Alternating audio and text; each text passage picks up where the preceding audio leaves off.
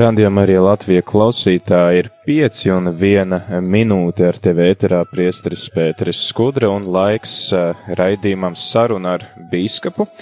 Jau kādu laiku mums šeit ēterā ir šī uh, tradīcija uh, uzaicināt reizi mēnesī kādu no Latvijas bīskapiem un pārunāt aktuālās un svarīgās lietas, kas nodarbina mūsu prātus, kas ir aktuālas un svarīgas mums šeit baznīcā, tad Jā, šī ir atkal mūsu iespēja aprunāties ar bīskapu šeit radio Marija ēterā un šoreiz kopā ar mums attālinātā veidā ir e, Rīgas arhibīskaps Zbigņevs Stankevičs. Kristus augšām cēlēs. Tiesi augšām cēlies. Jā, tad klausītāji, e, te arī mums bīskaps jau ir ēterā. E, ja gadījumā tev ir kādi jautājumi par šī brīža aktuālajām aktuāliem jautājumiem par to, kas tev ir uz sirds un eh, ko liekas eh, vajadzētu šeit ētrā pārunāt, tad tu vari droši iesaistīties šajās sarunās, zvanot mums uz tālruņa numuru 679699131 vai arī rakstot īziņas uz numuru 266 772, 72, vai arī raksti e-pastu uz studija at rml.lv. Labprāt arī priecāšos tad šos e-pastus un īziņas nolasīt un mēģināsim kopā ar arhibīskapu arī rast kādas atbildes uz tām aktuālajām lietām, kas nodarbina mūsu prātus. Bet tad, ekscelents, varbūt pašā sākumā mēs varētu sākt ar to, ka ir lieldienu laiks un kas ir tas kam jūs īpaši pievēršat, pievēršat uzmanību šajās lieldienās un kā uh, lieldienu augšām celšanās vēsts uzrunā jūs šajā gadā? Nu, šajā gadā šīs lieldienas no vienas puses, protams, vienmēr pamatvēsts jau ir tā pati, bet tā ārējā situācija ir ļoti atšķirīga, jo parasti mums ir pilnas baznīcas lieldienās, bet, bet šajās lieldienās tās bija tukšas tie bija daži cilvēki, jo mums bija šie ierobežojumi un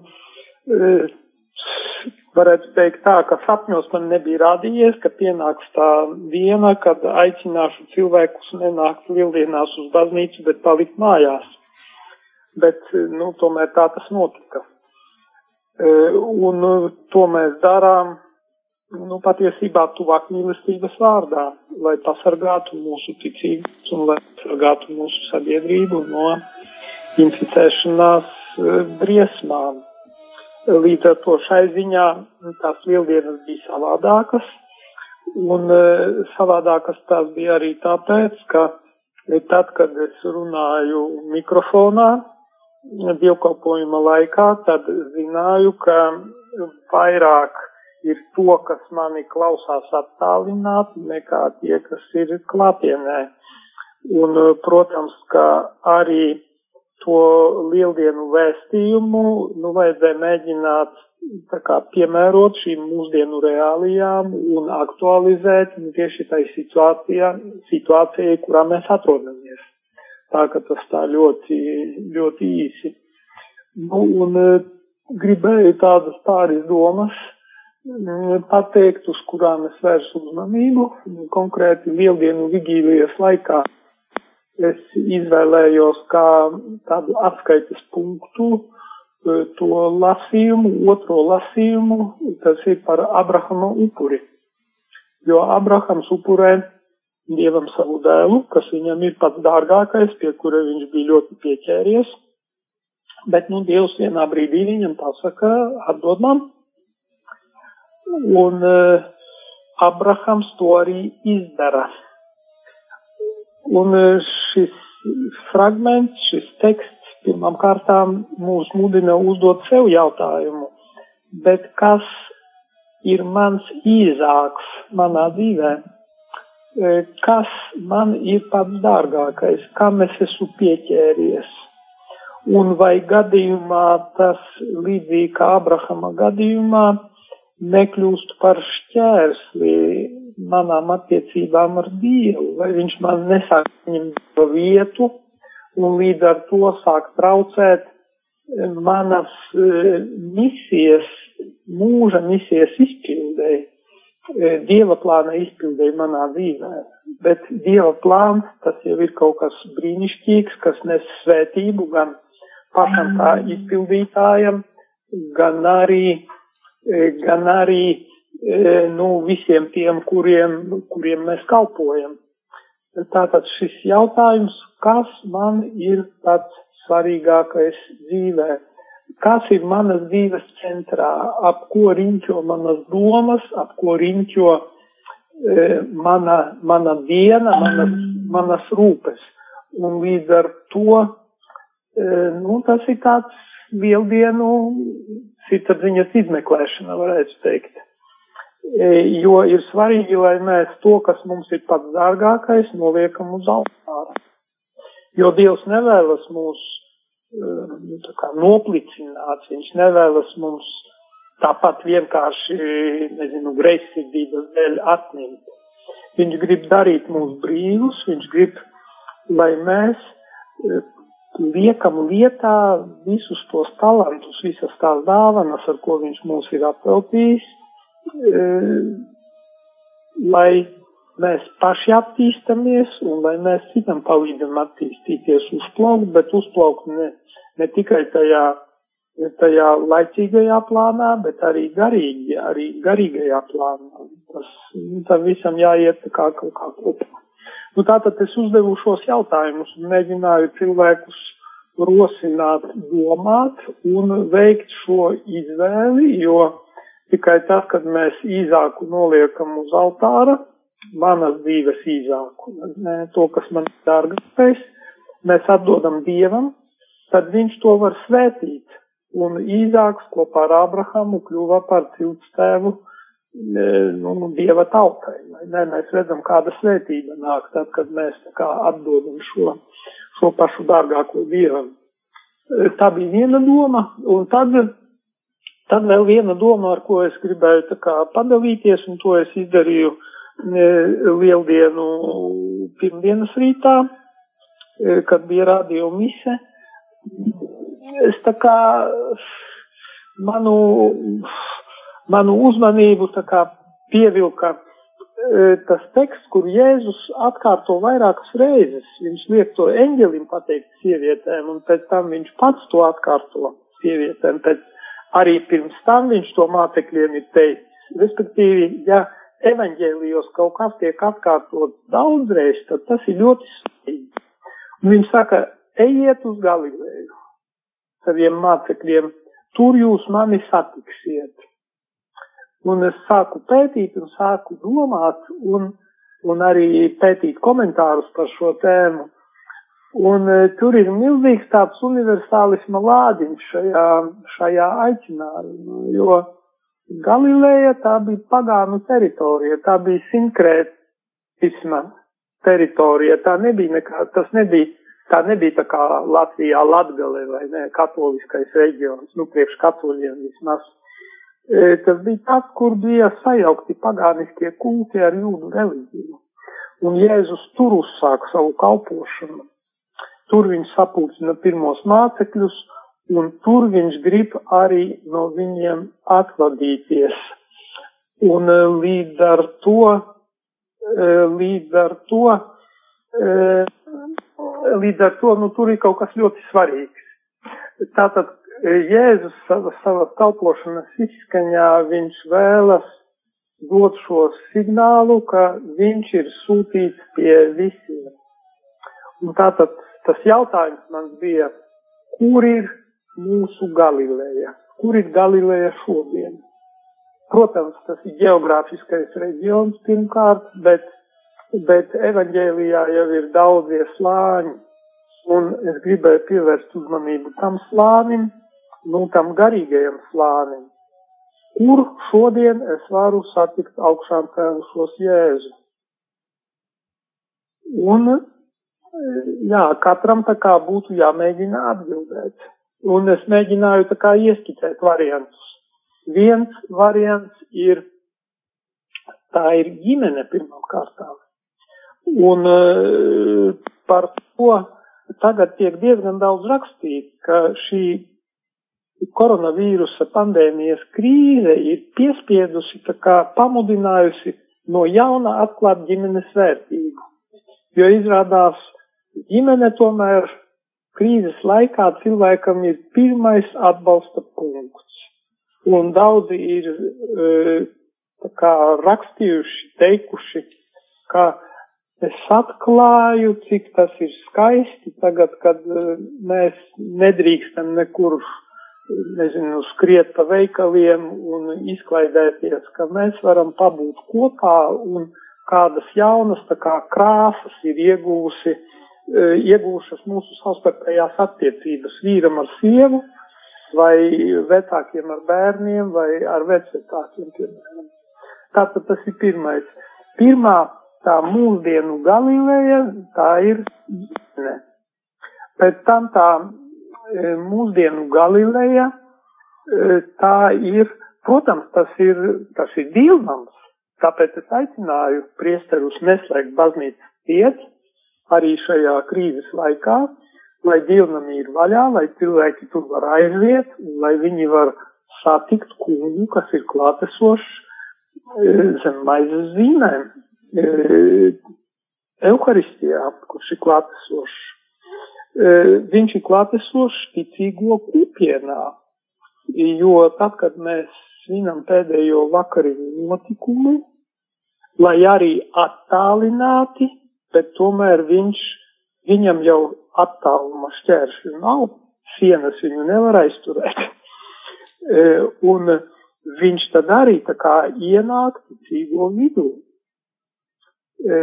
Tātad tas arī ir veids, kā mēs varam satikt. Tad par to pāvests Francisks daudz runā. Mēs viņu varam satikt tajos, kas cieš, tajos, kas ir nabadzīgi, kas ir slimi, kas ir, kas ir cietumā, e, kas ir varbūt visu atstāti. Tad, kad mēs kalpojam saviem brāļiem, galu galā Jēzus teica, ko jūs esat darījuši vienam no vismazākajiem maniem brāļiem, to jūs man esat darījuši. E, tā ka tā mūsdienu Galileja izrādās ir tepat, un e, augšām cēlies kungs, kurš ir teicis, es esmu ar jums ikdienas līdz pasaules galam. Viņš ir šajā Galilejā, tikai vairs nevis niesīgajā izskatā, kā tas bija ar mācekļiem, bet viņš ir e, klātesošs un mēs viņam piekļūst ticību, jo viņš teica, ka svētīgi tie, kas neredzēja, bet ticēja. Viņš ir klātesošs, svarīgi ir ticēt. Ja mēs ticam, tad, tad viņš dves mūsos savu garu, tad viņš dod mums savu mieru, tad viņš dod mums šo cerību, e, un e, tad mums ir, redzu tā teikt, atspēriens pārvarēt, nu pārvarēt nomāktību, pārvarēt pārvarēt šo krīzi, kurā mēs esam. Jo, protams, ka psiholoģiski daudzi sūdzas, ka nu, ir grūti, pat pavests pateica, ka jā, būt tajā nošķirtībā nav, nav vienkārši. Jā. E, nu tā ka tā. E, tie, tie bija daži motīvi, ar kuriem lieldienu laikā gribēju ar cilvēkiem padalīties, lai tā kā viņus iedrošinātu, lai parādītu, nu, nu, to, ka kungs nav tālu no mums un kādā veidā viņu varam atrast šajā lieldienu laikā. Jā, paldies. Tad atgādinu klausītājiem, ka arī jūs varat iesaistīties šajā sarunā ar arhibīskapu Zbigņu Stankēviču. Mēs šodien runāsim, tad, tad mēs nu pat dzirdējām arhibīskapa tādus varbūt galvenos akcentus, kam viņš ir pievērsis uzmanību šajās lieldienās. Pārunāsim arī to, kas ir aktuāls baznīcā vispār, uz ko mūs arī pāvis Francisks ir mudinājis raudzīties šajās lieldienās. Tāpat arī pievērsīsim uzmanību, protams, šai krīzes radīties situācijai un tam, kā mēs varam praktizēt savu ticību savās mājās, arī varbūt esot spiesti palikt, jā, ne, neapmeklējot baznīcas un nespējot saņemt šos sakramentus, Tāpat arī runāsim par finansiālo situāciju, ko radījusi krīze draudzēm un baznīcām, un tad arī vēl pievērsīsim uzmanību mazliet kardinālam Džordžam Pellam, kuru pirms gada, vairāk kā pirms gada apsūdzēja par nepilngadīgu personu izvarošanu, tad arī viņam ir piespriesta atbrīvošana un atzīts viņš ir par nevainīgu, tad arī Marai mazliet parunāsim par šo situāciju. Tu klausītāji var iesaistīties šajās sarunās zvanot uz numuru 67 969 131, gan arī rakstot īziņas uz numuru 266 77 272, vai arī zvani uz, piedod raksti uz studija at rml.lv.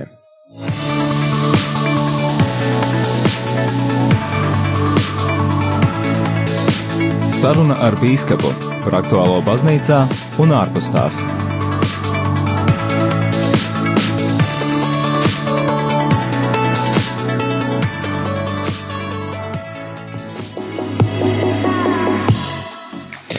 Jā, ekscelence. Mums pirms mēs sākam ar visiem šiem jautājumiem, kas mums šodien jāpārunā, mums ir kāds klausītājs, kas raksta, vai arhibīskaps grēkus sūdz pāvestam? Un, jā, pie kā tad iet, ja mēs tā saprotam, ka cilvēki iet pie priesteriem, tad eh, kā tur ir tā, tā visa tā hierarhija attiecībā uz grēksūdas sakramentu svinēšanu? Jums tiešām jābrauc uz Vatikānu pie pāvesta Franciska?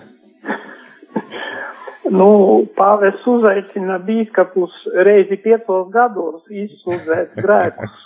Protams, es te tā jokoju. Tā ir adlimina vizīte, kur bīskapiem jāatskaitās par savu darbību, bet bīskaps kā ik viens ticīgais, viņam ir tādi paši pienākumi, respektīvi vismaz reizi gadā eh, ir jāizsūta savi grēki, un to viņš var izdarīt, kura iestarā. Jā, tā. Līdz ar to tā, nav, nav noteikti jābūt pāvestam vai bīskapam, lai uzklausītu viņa grēksūdzi. Kas tad nu būtu, ja 5000 vai cik tur bīskapu pasaulē, un tagad visi pēkšņi brauktu pie pāvesta sūdzēt grēkus, tad viņam tik vien vajadzētu kā sēdēt bikskreslā. Jā, un vēl ko mēs darītu tajā brīdī, kad pāvests vai nu atkāpjās vai aiziet mūžībā, un kamēr nav ievēlēts jauns pāvests, sanāk, ka biskupiem nemazām nebūtu iespējas tikt uz grēksūdzi. Jā, tad pāvests pats arī saka, ka viņam pie viņa, viņa bikstēvs nāk katru otrdienu uz Vatikānu, un arī pāvests nesen ir sniedzis tādu interviju Lielbritānijas eh, laikrakstam The Tablet, un eh, viņš eh, saka, ka viņš katru otrdienu apmeklē grēksūdzi, un jā, tas tātad pie jebkura priestera, kurš var derīgi dot grēku piedošanu, arī bīskapi un pat arī pāvests ciet. Ekscelence, mēs daudzi sekojām līdzi šeit radio Marija ēterā pāvesta aktivitātēm un tam, kā viņš, kam viņš pievērš uzmanību un kas jums liekas varbūt no visas šī lieldienu laika, kam mums vajadzētu pievērst tam, ko pāvests ir sacījis par šīm dienām, par šiem svētkiem?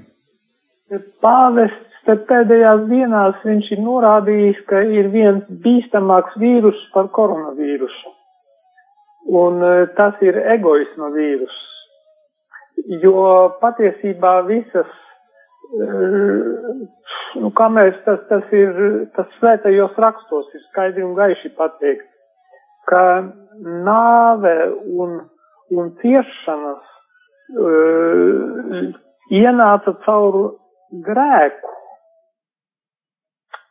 Un uh, faktiski visi, visi jaunums, kas pasaulē tā kā manifestējas, tas ir no pirmām kārtām cilvēku grēks. Tur ir, kā saka, tajā, tajā pamatā tas pirmais palaidais tam. Līdz ar to, protams, mums e, koronavīrusa pandēmijas jautājumi jārisina, bet ja mēs nerisināsim šos egoisma problēmas, šīs tad jau nāks nākošā, nākošais kaut kāds vilnis un, un, un viss ies par īņķi. E, Pāvests arī pievērš uzmanību tam, viņa saka, tā ir milzīga liekulība. Tad, kad e, augsti, teiksim, e, kaut kādi tur mm, valstu vadītāji vai augsta līmeņa vadītāji, kad viņi saka, jā, mums ir jārisina problēmas, mums vajag tur badu pasaulē, un nabadzību mazināt, bet tai pašā laikā viņu vadītās struktūras tirgo ražu un tirgo ieročus, kas ir nāves rīki, nāves instrumenti. Viņš saka, tā ir milzīga liekulība. Jā, bet tas Jā. arī ir droši vien kaut kas tāds, ko mēs katrs varam uh, savā sirdsapziņā izmeklēt un pārdomāt, uh, kā mēs varam uh, Kas ir varbūt tās lietas eh, vai jomas, kurās mēs raugāmies egoistiski? Jo man liekas, šobrīd, laikā, kad eh, cilvēkiem ir īstenībā ļoti liela nedrošība par savu nākotni, vai man būs darbs, vai man būs līdzekļi, par ko uzturēt savu ģimeni, tad runāt par to, ka mums vēl ir jābūt līdzatbildīgiem par citiem, man liekas, ir, tas ir diezgan drosmīgi. Jā, bet, bet nu, ja mēs gribam būt kristieši ne tikai vārda pēc, bet arī savu, savā dzīves nostājā, tad, tad tā tas ir, jo kristietim ir jāuzņemas atbildība par pasauli un par apkārt notiek, notiekošo un par saviem līdzcilvēkiem, kas ir apkārt. E, galu galā tuvāk mīlestības balslis, nu tas ir, e, nu tas ir viennozīmīgi, vai ne? Jēzus taču saka, ka šeit ir ietverta visa bauslība un pravieši, ka mīli Dievu pāri pār visu un tuvāko kā sevi pašu. Jā, mīlestība pret sevi tas ir arī, teikt, tas ir starta punkts un tas ietver e, saprātīgas rūpes par savu miesu un par savu arī materiālo stāvokli, arī par saviem dzīves apstākļiem bet ne uz citu rēķina, ne par katru cenu, ne negodīgiem līdzekļiem. Tas ir pirmkārt. Un uh, tuvāko kā sevi pašu, kā tu rūpējies par sevi, tāpat paskaties arī rūpējies par citiem. Un šeit uzreiz ir taisnīguma princips, uh, solidaritātes princips un arī palīdzības princips, subsidiaritātes princips, vai ne? Un uh, jā, tuvāko kā sevi pašu, bet tajā tuvākajā ir arī mana valsts, vai ne, jo tie ir visi tuvākie, kas dzīvo šajā, šajā teritorijā. Jā, tā ka tas ir, ja, ja mēs to noliedzam, nu tad, nu tad mēs, tad kaut kas tur mūsu tajos uzstādījumos ir galīgi greizi sagājis. Jā, arī klausoties pāvesta aicinājumus un, teiksim, arī iemāt, kaut kā mācoties sadzīvot ar to situāciju, ka mēs šodien nevaram iet uz uh, baznīcu. Daudzi joprojām to uzskata, ka tā ir uh, kaut kāda, uh, varbūt, uh, nu, tāda vergošana tagad vīrusam vai vergošana valdībai, ka tas kaut kā aprobežo mūsu, uh, mūsu ticīgo uh, tiesības, bet uh, varbūt, tā ir arī iespēja atklāt to, ka Dievs jā, sakramenti mums ir svarīgi, bet tomēr tie nav vienīgie baznīcā, un tieši Pāvests Francisks uh, ir bijis tas, kurš ļoti daudz, un arī īstenībā iepriekšējie pāvestis norāda uz to, ka mēs varam sastapt Dievu arī nabagajos un, un cietošajos, un varbūt, ka beidzot šis ir laiks atklāt to, ko jūs arī pats sacījāt, ka Dievu mēs varam sastapt kopienā, ka tā nav tikai uh, pareiza sakramentu nosvinēšana. Mums arī nesen bija karstas diskusijas par to, kā pareizi piedalīties liturģijā, ja, bet vēl ir arī ļoti būtisks šis komunijas aspekts, kas pastāv starp cilvēkiem, un varbūt, mēs, šis ir laiks, kad mēs varam to, to vairāk attīstīt. Jā, nu, lielās piekdienas liturģija, tur bija Jēzus pie krusta un bija eh, evaņģēlists Jānis un dažas sievietes. Visi tie bija pieci cilvēki. Un tā bija lielās piekdienas liturgija. E, jā, e, protams, tas vienkārši tagad mums ir sava veida eksāmens. E, jo, ja mēs bijām pieķērušies tikai pie sakramentu, teiksim, pašām ārējām formām, Tas nozīmē, ka jā, mēs ejam piedalāmies svētajā misē vai nu tur krustaceļā un uh, tikai tad jūtamies, ka jā, nu tad mēs esam ar Dievu un tad, kad aizējam prom, tad viss dzīvojam savu dzīvi. Un tagad, kad mums tā ārējā forma tā kā tiek noņemta, tad atklājas, kas tad tur īsti apakšā. Vai mums bija saikne ar dzīvo dievu, un vai es spēju turpināt ar viņu komunicēt tad, kad man tas ārējais rits ir noņemts, vai arī komunicēt caur, nu, teiksim, attālināto ritu, E, vai arī es jūtos pilnīgi, ka man tā kā pamats no kāju apakšas ir izrauts un ka man dievs ir paņemts un es tagad e, vairs nevaru viņu satikt. Tas, tas ir sava veida eksāmens, jo ja man rīts, jā, viņš bija kā, kā izpausme, sava veida ārēja izpausme, tai mana iekšēja saikne ar Dievu, un, protams, rīts viņš E, viņš dod šo pieeju, vai ne, sakramenta svinēšana. Bet, ja, ka, kas tam bija pirmajā vietā, vai tas ārējais, vai, vai tur bija arī tas iekšējais saturs? Jo, ja tur tika ārējais, tad es būšu gar zemi. Bet, ja man bija arī iekšējais, ja tas ārējais bija mana iekšējā, tā kā jau satura izpausme, tad es turpināšu dzīvot ar Dievu un e, spēšu tā kā turpināt normālu garīgo dzīvi, arī piedaloties attālināti un lūdzoties individuāli vai lūdzoties ģimenes lokā. E, tā ka tas ir, tas ir ļoti būtiski. Un patiesībā šī arī ir iespēja, te mēs mazliet pieskārāmies par to, ka ģimenes kā svarīguma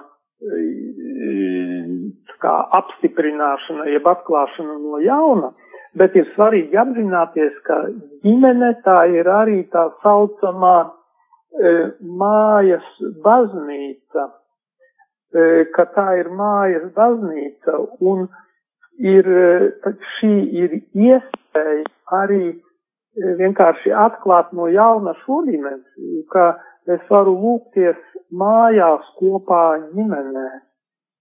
E, nu, šī krīze mums var dot patiešām ļoti, ļoti daudzus pozitīvus impulsus arī bez, bez tā visa negatīvā, ko tā ir ienesusi. Jā, pāvests arī šajā intervijā, ko viņš sniedza tam brītu laikrakstam, sacīja, ka mēs šajā laikā, kad nevaram pieņemt sakramentus, mēs varam kļūt tādi depresīvi un grūtsirdīgi, nošķirti no citiem, vai arī mēs varam kļūt radoši un, un pieiet, teiksim, ar tādu apustulisku radošumu šai situācijai un atklāt tos veidus, kā mēs varam izpaust ticību joprojām. projām arī varbūt ne, nevarot iet uz baznīcu. Jūs arī runājāt par šo mājas baznīcu un to, ka cilvēki ir aicināti lūgties mājās. Es esmu sastāpies ar tādām ģimenēm, kuras saka, bet zini, mums ir, nu, tā, mēs, mēs guļam mājās, mēs strādājam mājās, bērniem ir skola mājās, ka tā vide ir tik, nu, varbūt tik parasta un ikdienišķa, ka ir grūti atrast šo pārdabisko un kā Kāds būtu jūsu ieteikums, kā mēs varam iemācīties lūgties vidē, kurā varbūt ir ļoti maz kādu šo nu, sakrālo, varbūt kādu atgādinājumu, teiksim, baznīcā ir vieglāk lūgties, tur viss tā atmosfēra, noskaņa, kas saka, aura, teiksim, viss radīta tāda, lai, lai mēs varētu lūgties, bet kā, kā to iemācīties mājās, kur varbūt ir katli, kas vārās, un veļas mašīna, kas griežās, un, un, un, un rādio, kas skan, un, un kaimiņi, kas staigā apkārt, un tā tālāk. Jā, es piekrītu, ka dievnams, protams, ir e, privileģēta vieta lūkšanai. Dievnams vai, piemēram, kapela adorācijas vai, nu, tā saucamā sakrā telpa. E, bet e, ir svarīgi, lai mums arī mājās būtu kāds sakrālais stūrītis, kur, kur mēs, nu, varētu nolikt, nezinu, svētbildi, aizdzināt svecīti, nolikt krucifiksu, uh, un lai, lai mums arī būtu tāds kaut kāds atskaites punkts, kurā, nu, kurš mums arī palīdz, tā kā noskaņoties uz šo vilni. E, tas ir pirmkārt. Un lai arī, tā kā es jau teicu, lai visa ģimene to dara, lai visa ģimene sanāk ap šo mājas altārīti, e, tad tas noteikti palīdz. Bet tad, ja mēs esam tā kā jau iegājuši tajā, es teiktu, lūkšanu apritē lūkšanu dzīvē, tad mēs ar vien vairāk tā kā sākam apzināties tomēr arī to, ka, nu, kungs, viņš, viņa gars caurstrāvo visu pasauli. Un viņš ir atrodams, mēs viņu varam sastapt tik vienā vietā. Un, protams, klusums palīdz un kņadas trūkums palīdz noskaņoties uz šo vilni, uz viņu, tā kā mūsu tās garīgās antenas noskaņot. Tāpēc, protams, tad, kad lūdzamies, būtu vēlams izslēgt televizoru, mm, e, ja, ja vien tur nav dievkalpojums, tiek pārraidīts vai, vai kaut kāds garīgs impulss no turienes nāk, bet parastās kaut kādas programmas, protams, radio televizoru izslēgt. Un tā kā mēģināt nodrošināt šo klusumu atmosfēru, bet pēc tam, bet kā es saku, ja mēs jau esam tā kā ietrenējušies, tad, piemēram, savā laikā, kad es studēju Romā, tad es ņēmu līdzi breviāru, es uzsāku breviāru metro stāvot kājās, jo sēdvietu nebija, un man Itālis tur eh, studiju biedrs, viņš saka, kā tu vari, kā tu šitā, viņam tas bija kaut kāds liels izbrīns, nu kā tā var e, metro tādā kņādā troksnī var lūgties. Var, var tiešām atslēgties no tā visa un ieiet tajā savā, savā tajā būt, sirds būsenītī un būt ar kungu kopā. Tas tad. Arī apkārt ir troksnis. Tas tad var teikt, ir tāds treniņa jautājums, kā mēs ieplānojam savā ikdienā lūkšanu un arī kā mēs, cik mēs arī uzticīgi, jo bieži vien varbūt ir tā, ka mēs gribam sākt uzreiz jau ar, nezinu, ar stundu garu lūkšanu un, un ļoti tādu pamatīgu, bet eh, varbūt, ka ir jāsāk ar, ar tādiem, ar tādiem ar piec, mērķiem, ar kurus 15, mēs varam sasniegt. Ar 15 minūtēm. ar 15 minūtēm, un es, piemēram, savā laikā sāku ar Marka evaņģēliju Un uh, man ieteica pa vienai nodeļai, vienā piegājienā, bet uh, es redzēju, ka man nodeļa par daudz, man pietika ar dažiem pantiem, vienkārši es lasīju, un kad redzēju, ka man tā kā, nu, kļūst dzīves tas vārds, tā kā viņš sāk pievilkt man uzmanību, sāk mani tā kā uzrunāt, jeb rosināt, tad es pie viņa apstājos, un man aizņēma veselu gadu Marka evaņģēlija lasīšanu no rītdienas. To darīju, tas bija mans lūkšana un meditācijas laiks. Ļoti labs tā kā atskaites punkts un ierosmē kāds svēto rakstu fragments. Bet, protams, tie var būt arī, nezinu, no svēto dzīves, tie var būt no katehisma gabaliņš, tas ir katram, katram var būt savādāk, bet, protams, pirmais privileģētais atskaites punkts ir svēto rakstu teksti kurus paņemt un tad ar kuriem būt kopā un tā kā stāties dialogā. Vai, piemēram, tieši pirms šī raidījuma, nu, tā kā sanāca, kā aizgāju pastaigāties, e, lai savu dienas normu izstaigātu, bet, nu, pierēzes palūdzos rožu kroni. Saka, vienu ar otru var savienot, un, un arī tas nemaz netraucē, ka tu cilvēki, tagad gan maz cilvēku, bet tu cilvēki, putni, nē, piemēram, daba viņa tikai palīdz tā kā izdzīvot Dieva klātbūtni, jo skatoties uz dabas skaistumu, tu tā kā uzreiz sāk domāt pagā, pagā, bet nu tas viss ir pārāk skaists un pārāk e, komplicēts, lai tas varētu rasties pats no sevis, ka tomēr, nu, caur to radību, e, sirds arī un prāts tā kā ceļās pretī radītāji. Jā, galu galā arī mēs liela daļa esam tādi svētceļnieku tauta, mums patīk svētceļojuma pieredze, tad tas ir tas, kā mēs varam atgādināt savu to tādu kā mini svētceļojumu uztaisīt, ejot pastaigā un reizē palūdzoties.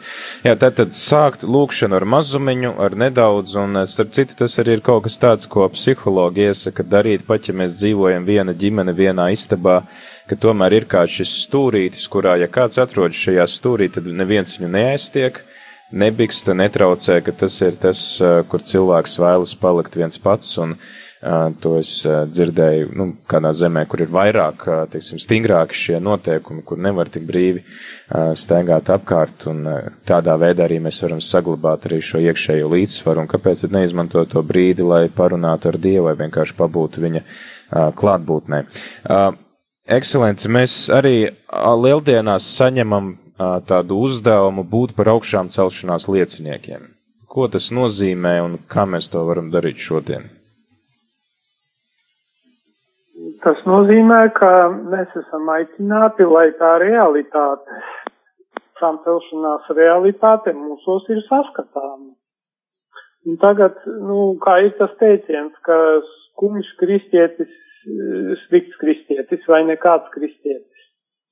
Ja tu neskatoties uz uh, ierobežojumiem, ja tu neskatoties uz kaut kādiem apdraudējumiem, spēj sa, saglabāt dzīves priekus, spēj saglabāt optimismu, spēj saskatīt pozitīvās puses tajā situācijā un vispār dzīvē un iedrošināt citus. Un arī pavēstīt viņiem par to, ka Nāves absolūtā nozīmē nav, jo Kristus ir augšām cēlies un, mēs, un viņš ir apsolījis mums, ka mēs arī augšām celsimies. Un, un ka nāves patiesībā nav absolūtā nozīmē nomirst mūsu miesa, bet mūsu esamības kodolu e, turpina pastāvēt un laiku beigās viņš, viņš tā kā savāks atkal izklīdušās matērijas daļiņas un, un būs jauna miesa, kura vairs nebūs iznīcīga. Lūk, e, tas nozīmē būt augšām celšanās lieciniekam. Un, e, un izstarot, izstarot mieru, izstarot labestību apkārt, ka cilvēki redz, ka tu viņus pieņem tādus, kādi viņi ir, vai ne? Protams, tā kā e, mudinot celties augšu un uz priekšu, bet bet nevis, nu, bet ne kratot pirkstu un nosodot viņus visu laiku. Nu, tā apmēram. Jā, bet kā mēs varam tad būt tie, kas nes šo mieru, prieku, jo, nu, tomēr arī daudzi kristieši ir ļoti satraukti, un es domāju, ka tas tikai normāli un dabiski, ka arī kristietis ir satraukts, ka viņam varbūt ir kāda uh, kādas, nezinu, uztraukumi, panika par to, kas būs un, un kur, man, kā mēs varam tad paši iegūt šo mieru, lai mēs varētu pēc tam nest to tālāk citiem? Nu jā, šajā arī aizvadītajā svētdienā tur jau bija tas teksts, ka, nu tagad mums nākas mazliet ciest, ka mēs tā kā zelta kausējamā krāsnī tiekam attīrīti, bet pirms tam un pēc tam tur tomēr bija tie teksti, e, ka ka miers jums, ka miers jums, ka, e, un ka svētīgi tie, kas neredzēja, bet ticēja, ka mēs kungu ar miesīgām acīm neredzam, bet ir svarīgi, ka mēs ticam, ka viņš ir klātesošs, ka viņš nav mūs aizmirsis, un e, ka viņā mēs smeļamies spēku pārvarēt šīs grūtības, un viņā mēs atrodam mieru, un viņā mēs atrodam to to cerību. Lūk, lūk šitas, tas ir, nav, nav cita avota, kā tikai augšām cēlies kungs, kurš dāvā mums savu gadu. Nē, tā ka, tā ka cik tālu mēs esam tā kā savienoti ar viņu, iesakņojušies viņā, tas ir pieķērušies viņam ar savu sirdi, ar, ar savu, ar savām domām, ar savu uzmanību, pirmkārt jau tās mūsu lūkšanas laikā, gan individuālās, gan kolektīvās, bet arī pēc tam, kad jau mēs ķeramies pie mūsu ikdienas darbiem, ka tas, tad, ja mums ir bijusi tā, teiksim, ekskluzīvā lūkšana, ekskluzīvā vai lūkšanas laiks, tad pēc tam tas kaut kur nogrims, tā kā, nezinu, tā kā, piemēram, mēs būtu kaut kādās kalnainās vietās, kad ir kaut kāda upīte vai strautiņš, viņš ir uh, uz zemes, tā kā virzemē, un pēc tam viņš kaut kur tur iekrīt, kaut kādā caurumā, klinšu, un viņa nav, un tad tu ej, ej, ej, bet pēc kāda laika viņš atkal parādās virzemē, vai ne?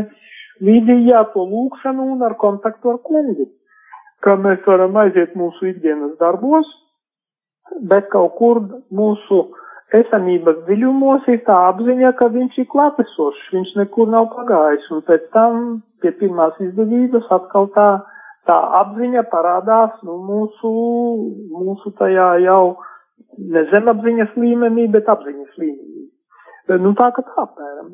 Jā, tad tas droši vien atkal ir tāds variants. treniņa jautājums, ka vienkārši mācīties, paļauties un, un, un piedzīvot to, kā Dievs, Dievs mums dāvā savu mieru. Atgādīju klausītāji, ka mēs šodien esam raidījumā saruna ar bīskapu, un šodien sarunājamies ar Rīgas arhibīskapu Zbigņevu Stankēviču, un arī tu vari iesaistīties šajā sarunā. Tev vēl ir 15 minūtes laika, lai uzdotu kādu savu jautājumu, un labāk iesaku tev rakstīt vai zvanīt jau tagad, lai mēs varam paspēt arī atbildēt, jo, ja tu zvanīsi un rakstīsi pēc 15 minūtēm, tad būs varbūt arī par vēlu. Tad tu vari zvanīt uz ētera numuru 67 969 131, arī rakstīt īziņas uz numuru 266 77 272, vai arī rakstīt e-pastu uz studija at rml Latvijas.CLV. Izskanēja raidījums Saruna ar Bīskapu par aktuālo baznīcā un ārpus tās.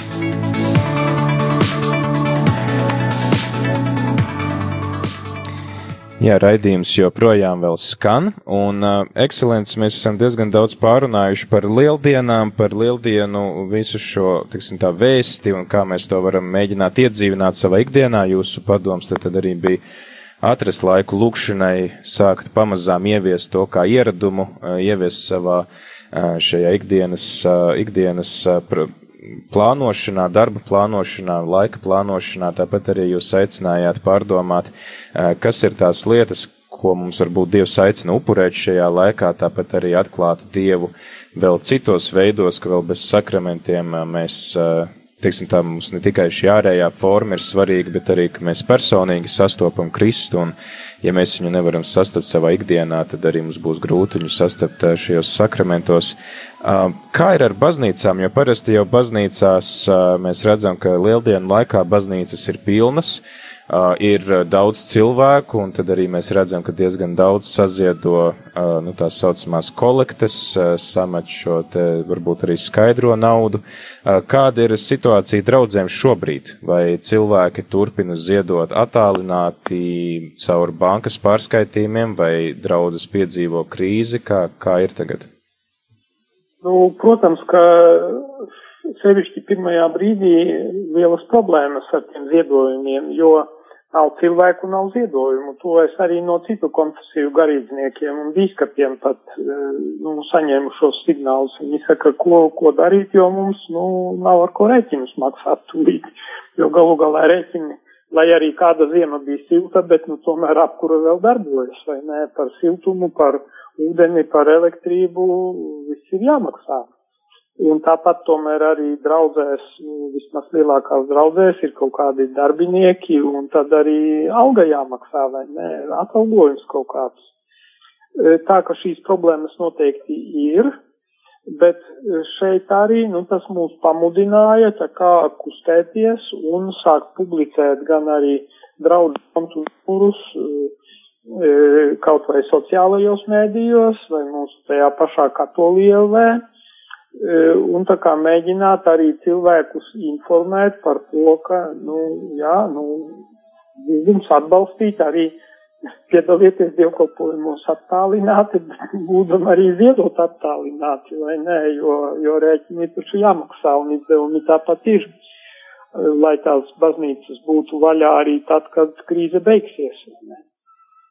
Nu tā ka tā, tā ka mēs arī šeit mēģinam pārslēgties, Bet, nu, protams, ka šobrīd ir, ir krīze šai ziņā, jo tās kolektes, nu, viņas ir niecīgas, vai, vai man ir tāds kāds prāves, piemēram, teica, es vispār nevācu kolekti, jo, nu, ko tur atnāk daži cilvēki, nu, nu tā. Jā, es... Nu, tā ka neapšaubām ir grūtības. Es arī nesen lasīju kādu rakstu par to, ka jūs esat ticies arī ar uh, valdības pārstāvjiem, lai pārunātu finansiālo situāciju baznīcās. Kādas ir šo sarunu auglis un ko mēs varam gaidīt no šīm sarunām? Nu, pagaidām tas viss ir procesā. Mēs gaidām atbildi, jo no tieslietu ministrijas saņēmu arī pirms pāris dienām šo informāciju, ka tā lieta ir, tas jautājums, kā saka, ir uzdots un šobrīd tur viņu līmenī norisinās dialogs un kā tikai kastā viņi dos mums ziņu un arī mēs būsim par nu, dialoga partneriem. Un patiešām šeit sevišķi mani tā saucamās mazās konfesijas ļoti satraukušās bija un pie manis griezās un, un, un, un teica, jā, lūdzu, vai nevar kaut ko darīt.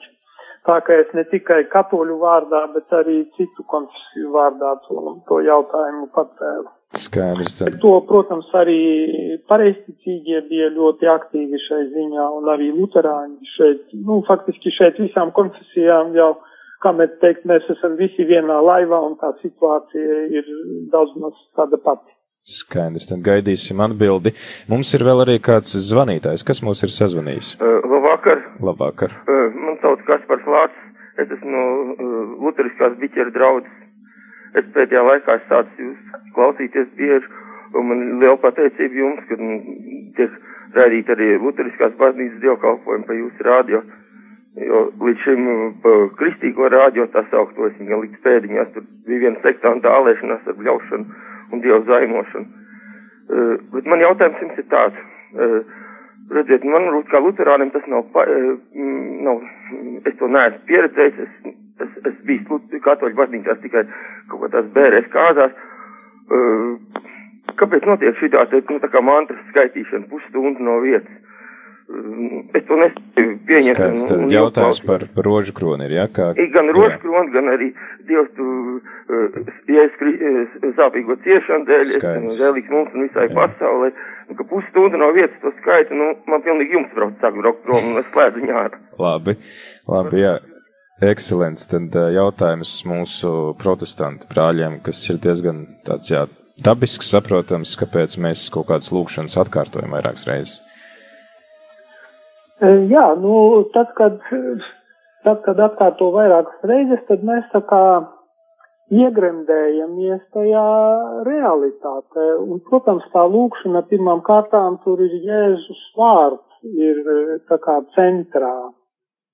E, jo, piemēram, arī evaņģēlija aprakstā mēs taču varam kaut vai tos pašus aklos, e, e, kuri tur sauca Jēzu Dāvida dēls apžēlojies par mums. Un viņi to nepārtraukti sauca, un viņus tur gan mācekļi, gan arī tie apkārtējie mēģināja apklusināt, bet, nu, kā tas beidzās, nu, Jēzus tomēr, tomēr lika viņus pasaukt un viņus izdziedināja.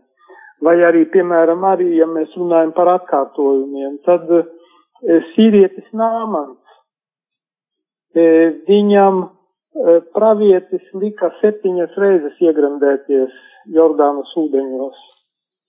E, nu, es te gribu novilkt paralēlas. Jā, mēs, e, nu, tātad piecas reizes pa desmit gremdējamies Jēzus vārdā. Mm. Vai arī gremdējamies tajā tekstā, kur Jēzus vārds ir centrā, jo esi sveicināta Marija, žēlastības pilnā, un tur pēc tam ir un svētītavas tas auglis Jēzus. Jēzus ir centrā. Mm. E, tās lūkšanas visas ir domātas, lai vestu pie Jēzus, lai tā kā atvērtu mūs uz, uz viņa klātbūtni. Un, protams, nu, brāļiem luterāņiem, lai arī es pazīstu tādus, kuri lūdzas rožu kroni, bet, bet, protams, pirmajā brīdī tas var būt neierasti un grūti, bet te jau, nu, kā mēs teikt, tā jau nav spiesta lieta. Tā nav, nu, tas nav, tas nav obligāti, vai nē, ja kādam tā, tā lūkšana nepalīdz vai, vai ir grūti saprotama, tad vai nu nav pienācis laiks, vai varbūt tā nav priekš viņa. Jā, vai arī Tad, var lūgt svētiem spām... garam, lai palīdz saprast, ja ir grūti saprast. Jā, jā. Jā, tā ka tas ir nu, tādā brīvībā, tad, tad tiešām neko nevajag forsēt. Jā, man ir arī nācis prātā 136. psalms, kur arī visu laiku tiek atkārtots. Tur ir cik 26 panti un 26 reizes tiek atkārtots, jo viņa žēlastība paliek mūžīgi. Mēs redzam, ka arī svētajos rakstos ir tāda lūkšana, kas atkārtojās nemitīgi un, un ļoti daudz reizes. Bet, jā, Tātad vēl pēdējais jautājums. Es ceru, ka mēs atbildējām Kasparam. Pēdējais jautājums pirms Tātad gandrīz divus gadus atpakaļ bija liels skandāls par to, ka viens no visaugstāk stāvošajiem Vatikāna kardināliem ir apsūdzēts apsūdzēts seksuālā izmantošanā, seksuālā vardarbībā. Viņš arī tūdaļ devās uz savu valsti, lai, nu, teiksim, tā piedalītos šajā izmeklēšanas procesā, un divus gadus vēlāk viņš ir attaisnots, un tas ir kardināls Pels. Uh, diezgan daudz mēs varējām lasīt latviešu mēdījos par viņa aizturēšanu, par viņa apsūdzību. Uh, šobrīd es īstenībā tikai esmu uh, ārzemju mēdījos, mēdījos lasījis par viņa attaisnošanu, kas varbūt ir tas, ko mēs varam mācīties no šīs situācijas, jo mani personīgi pārsteidz tas, ka viņš, kardināls Pēls, kaut arī piedzīvojis tādu īstenībā ļoti lielu netaisnību, un viņa, viņa vārds ir sabojāts, un viņš arī zaudēja savu darbu Vatikānā. Viņš tomēr saglabā tādu iekšēju mieru, un viņš arī saka, es neturu ļaunu prātu uz savu apsūdzētāju, jo es nevēlos, lai šīs ciešanas un rūgtums turpinātos, kas jau ir bijis mūsu vidū. Kas varbūt ir tas, ko mēs varam jā, ņemt no visas šīs situācijas? Ne, nu, pirmām kārtām tas parāda to tiesu sistēmas degradāciju un to ideologizēto visu atmosfēru, kas bija tur tajā štatā, kur, kur viņu notiesāja. Jo cik es saprotu, viņš tur bija nevēlama persona. Viņš traucēja sasniegt tos ideoloģiskos mērķus, kas tur tika uzstādīti. Un tāpēc tika pieņemts lēmums, ka viņu vajag novākt un atrast jebkādu ieganstu. Un atrast divus viltus lieciniekus, kuri pret viņu liecināja. Tas ir pilnīgi tā kā ar Jēzu. Jo viens no viņiem, e, cik es saprotu, vairs laikam ir nomiris, bet viņš tur,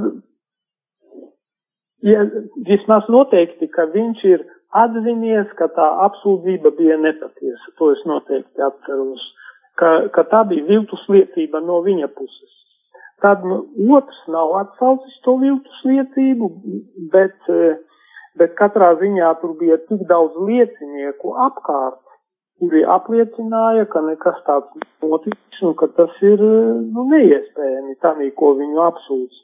Bet tā tiesa, par cik viņiem, viņus interesēja, ka viņu vajag notiesāt. Viņš, respektīvi, tas stereotips, ka visi priesteri pedofīli, vai ne, apmēram pēc tādas pieejas. Nu, un divas instances viņu tādā veidā bezkritiski, jeb drīzāk ideoloģiski ņēma un nosodīja, notiesāja. Tas ir līdzīgi kā padomju laikā.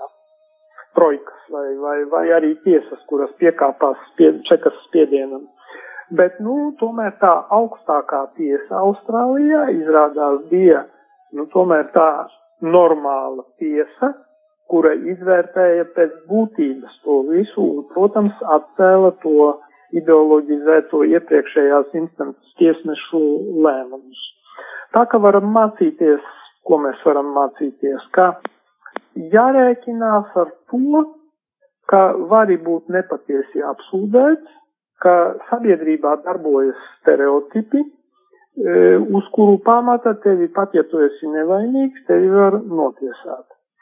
E, ja tiesneši būs, nu, teiksim, ideoloģijas skarti ideoloģijas vīrusa. Pat, un patiesībā šis vīrus ir līdzīgi kā pāvests teica, ka egoisma vīrus ir, e, nu, ir bīstamāks par koronavīrusu.